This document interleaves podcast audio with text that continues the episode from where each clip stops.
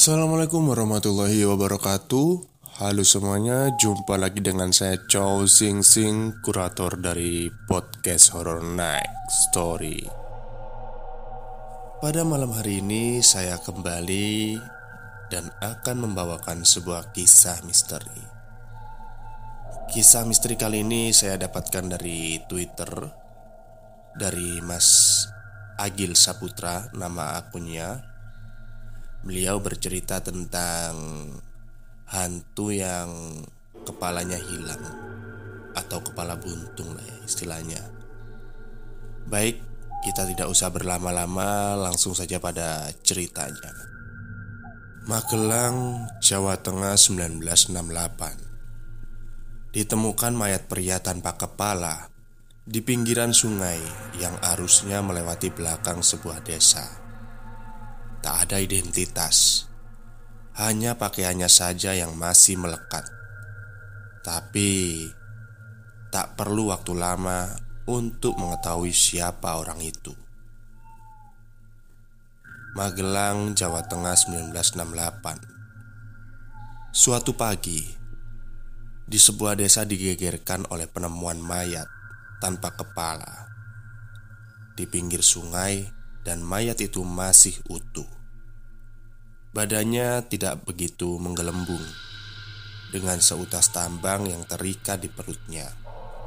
Ketika warga mencoba meraihnya dengan bambu, mayat itu terbalik. Terlihat tambang menjuntai seukuran 4-5 jengkal orang dewasa. Di bagian belakang pinggulnya mungkin mayat itu terlepas dari pemberatnya sehingga muncul di permukaan. Entah kepalanya dipenggal atau dimakan binatang, karena terlihat potongan tidak rata di batang lehernya. Pakaiannya juga masih lengkap, yaitu kemeja putih dan celana krim. Polisi pun datang dan segera mengidentifikasi mayat tanpa kepala tersebut. Tak membutuhkan waktu lama. Identitas mayat itu terungkap hari itu juga. Itu Sutarji Nama samaran. Warga desa setempat banyak yang mengenalinya. Diyakinkan oleh keluarganya sendiri Terlihat dari tanda lahir bercak hitam Di tangan kanannya Atau tembong istilah Jawanya Mengetahui hal tersebut, seketika keluarga dari korban menangis histeris karena katanya kemarin pagi Sutarji masih ada di rumah dan pamit pergi sekitar jam 10 pagi untuk pergi ke Secang, daerah dekat Magelang. Sayangnya keluarganya tidak ada yang tahu dia pergi untuk menemui siapa. Saat penyelidikan pun, polisi tidak bisa menemukan apa-apa. Dan siapa yang dituju oleh Sutarji di Secang itu? Karena Secang itu juga daerahnya lumayan luas. Sutarji adalah pemuda 28 tahun waktu itu. Sukses tapi belum menikah. Profesinya adalah belantik sapi atau pedagang sapi. Singkat cerita, setelah dua hari pencarian, bagian kepala Sutarji tak kunjung diketemukan. Keluarga Sutarji, yang mana tinggal adik dan ibunya, ingin segera jasad Sutarji dikebumikan. Mereka pun tidak mengizinkan jenazah Sutarji untuk diperiksa forensik lebih dalam. Otomatis, ini menghentikan polisi untuk mengungkap kasus ini. Bahkan sempat dienduskan isu kalau Sutarji tersangkut dengan PKI karena di tahun itu memang lagi gencar-gencarnya. Tapi itu dibantah oleh keluarganya sendiri. Secara almarhum ayah Supardi adalah seorang TNI. Jadi, Menurut keluarganya, tidak mungkin Sutarji terkait dengan itu. Kembali ke kejadian, 4-5 hari setelah penemuan Jenazah Sutarji dikebumikan. Ya, tanpa kepala tentunya. Banyak yang tidak menyangka Sutarji bisa meninggal dengan tragis. Sosoknya yang ceria dan ramah adalah kebiasaan yang paling diingat oleh warganya. Sutarji ini sangat mencintai olahraga. Sepertinya itu menurun dari ayahnya yang adalah tentara. Setiap dua tiga hari sekali, Sutarji ini selalu jogging, lari-lari, kadang sore, kadang pagi, mengelilingi desa dan selalu menyapa siapa pun yang ia lihat. Pemakaman pun berlangsung sangat cepat. Malamnya, warga berbondong-bondong untuk melean di rumah Sutarji. Jadi, melean itu kalau istilah Jawanya itu kayak begadang gitu ya. Sepertinya warga ingin meredam kesedihan keluarganya, terutama ibu Sutarji yang sudah berusia lanjut. Singkat cerita, tujuh hari setelah pemakaman Sutarji, warga mulai diteror oleh gembung. Gembung yaitu hantu tanpa kepala yang diduga adalah arwah dari Sutarji. Hari itu seperti biasanya Pak Kromo pedagang kerupuk pikulan dari desa sebelah Menjajakan kerupuknya di desa tempat Sutarji berasal Beliau berangkat habis subuh. Karena memang ini rute pertama dan terdekat di mana biasanya Pak Kromo keliling dari desa ke desa. Langit masih agak petang dan berkabut waktu itu. Jalan antar batas desa yang dikelilingi oleh kebun albasia kanan dan kirinya sepanjang jalan 50 meter kira-kira. Ketika memikul biasanya orang akan sedikit menunduk. Seketika beliau menengadahkan kepalanya.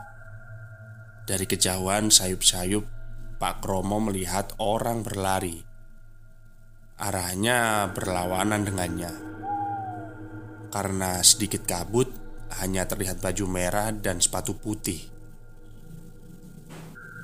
Dia berlari Oh Ada orang olahraga Batin Pak Kromo Pak Kromo pun kembali berjalan dengan agak menunduk menahan beban kerupuk yang masih banyak.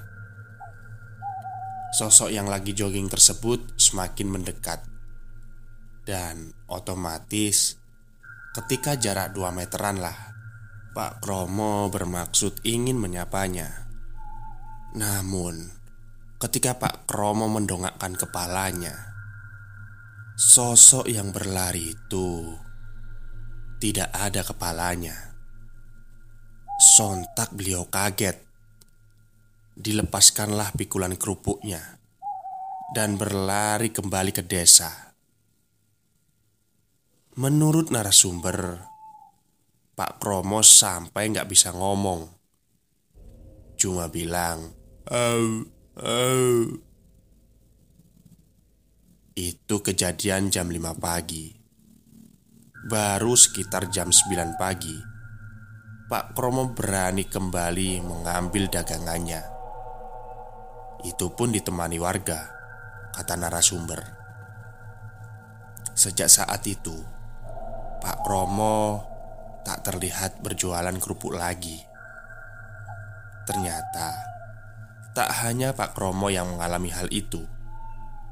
Selang sehari, desa kembali gempar karena Sosok berlari yang diduga arwah Sutarji itu mengelilingi desa tapi di tengah malam.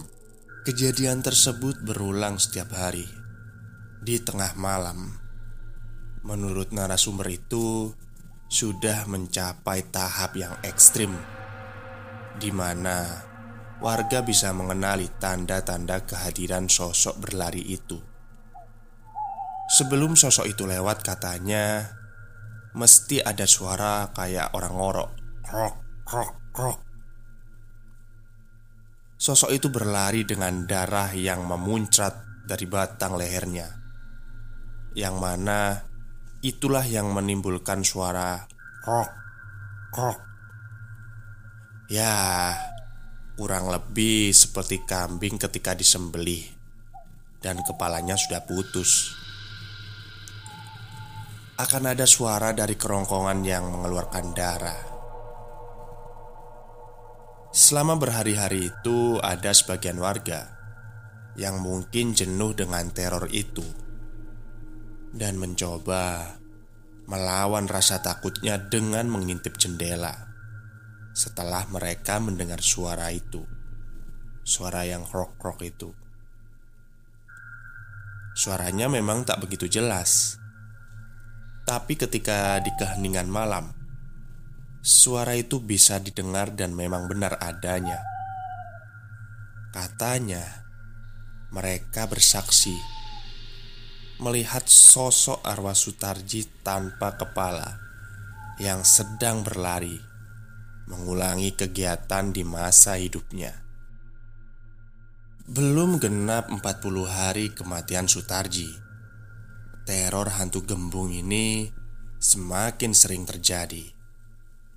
Selain sosok yang berlari tanpa kepala, ada juga kisah lain.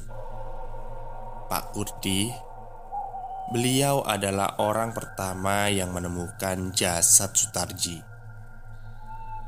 Desa ini semakin sunyi sepi pasca kejadian penemuan jasad Sutarji. Warga memang ketakutan.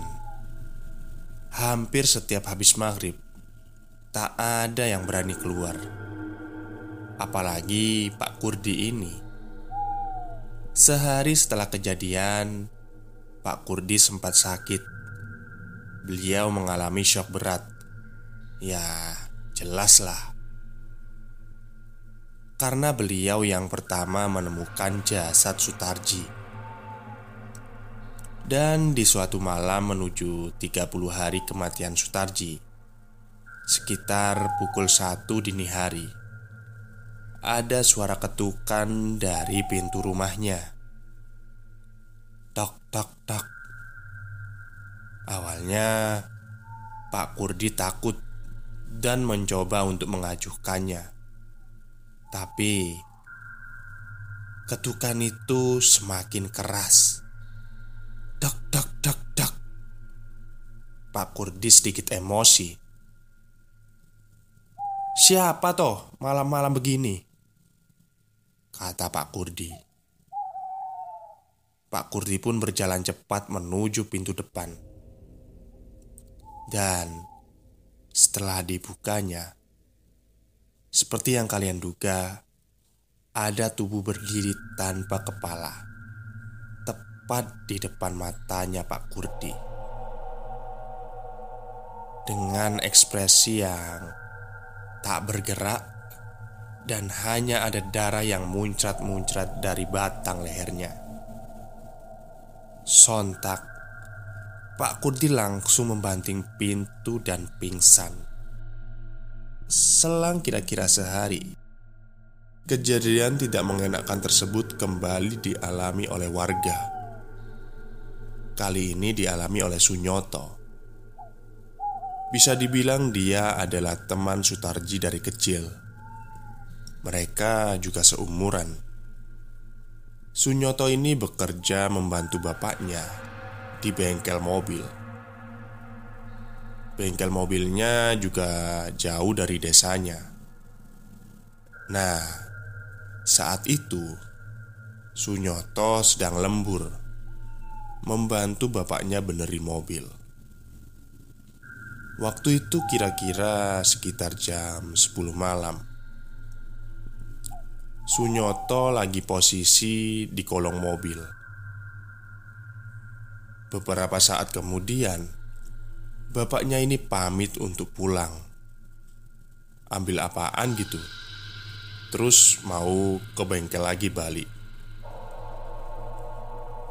Kira-kira jam setengah sebelas Posisi Sunyoto masih di bawah kolong mobil. Namun Sunyoto melihat ada kaki di samping mobil yang tengah diperbaikinya. Awalnya Sunyoto mengira itu bapaknya. Oh, sudah sampai toh pak Kok nggak ada suaranya? Sosok yang dia kira bapaknya itu Cuma diam saja tidak menjawab Tapi Masih saja berdiri di situ Sunyoto hanya bisa menggelengkan kepalanya Dan kembali melanjutkan aktivitasnya Tapi mata luarnya Sunyoto melihat kaki itu bergerak Sunyoto pun menoleh dan dia melihat kaki itu semakin melayang, tidak menyentuh tanah. Sunyoto ketakutan dan berteriak minta tolong. Seketika, troli pijakan untuk alas dia di kolong itu seperti ada yang menarik. Cepat sekali. Sek. Sampai dia tak lagi di kolong mobil. Sunyoto mencoba berlari, tapi tepat di sampingnya ada gembung dengan posisi yang sama seperti yang dialami oleh Bapak Kurdi. Sunyoto pun pingsan, dan ternyata di malam yang sama ada beberapa warga yang juga didatangi sosok gembung itu dengan ekspresi kedua tangan menengadah, seakan-akan bertanya, "Di mana kepalaku?" Tiga hari kemudian, adik Sutarji mendatangi warga. Dia bersaksi bahwa dia selama ini lebih dari tiga kali mimpi bertemu kakaknya, dan di mimpi itu kakaknya utuh kondisinya normal. Dia berkata, "Kepalaku berada di bawah batu di dekat rel kereta api." Atas dasar itu, warga lapor ke Babinsa setempat. Pencarian pun dilakukan, dimulai dari rel daerah dekat situ sehingga secang. Tapi kepala Sutarji tidak pernah ditemukan sampai sekarang. Ngomong-ngomong, di tahun itu rel kereta api masih aktif dan sangat jauh dari semestinya. Kalau tidak salah, jalur kereta api di Magelang ditutup tahun 70-an. Sama seperti di Temanggung, Secang dan sekitarnya. Dan konon katanya, sampai sekarang di malam-malam tertentu, hantu gembung itu terus mencari kepalanya sambil menengadahkan kedua tangannya. Baik, terima kasih kepada Mas Agil Surya yang sudah mengizinkan ceritanya untuk diceritakan kembali di podcast Horror Night Story. Hantu tanpa kepala. Ya, memang menakutkan sekali jika bertemu ya. Dan semoga kita tetap dalam lindungan yang maha kuasa. Itu saja mungkin yang bisa saya ceritakan malam ini. Semoga kalian semua terhibur. Selamat malam dan sampai jumpa.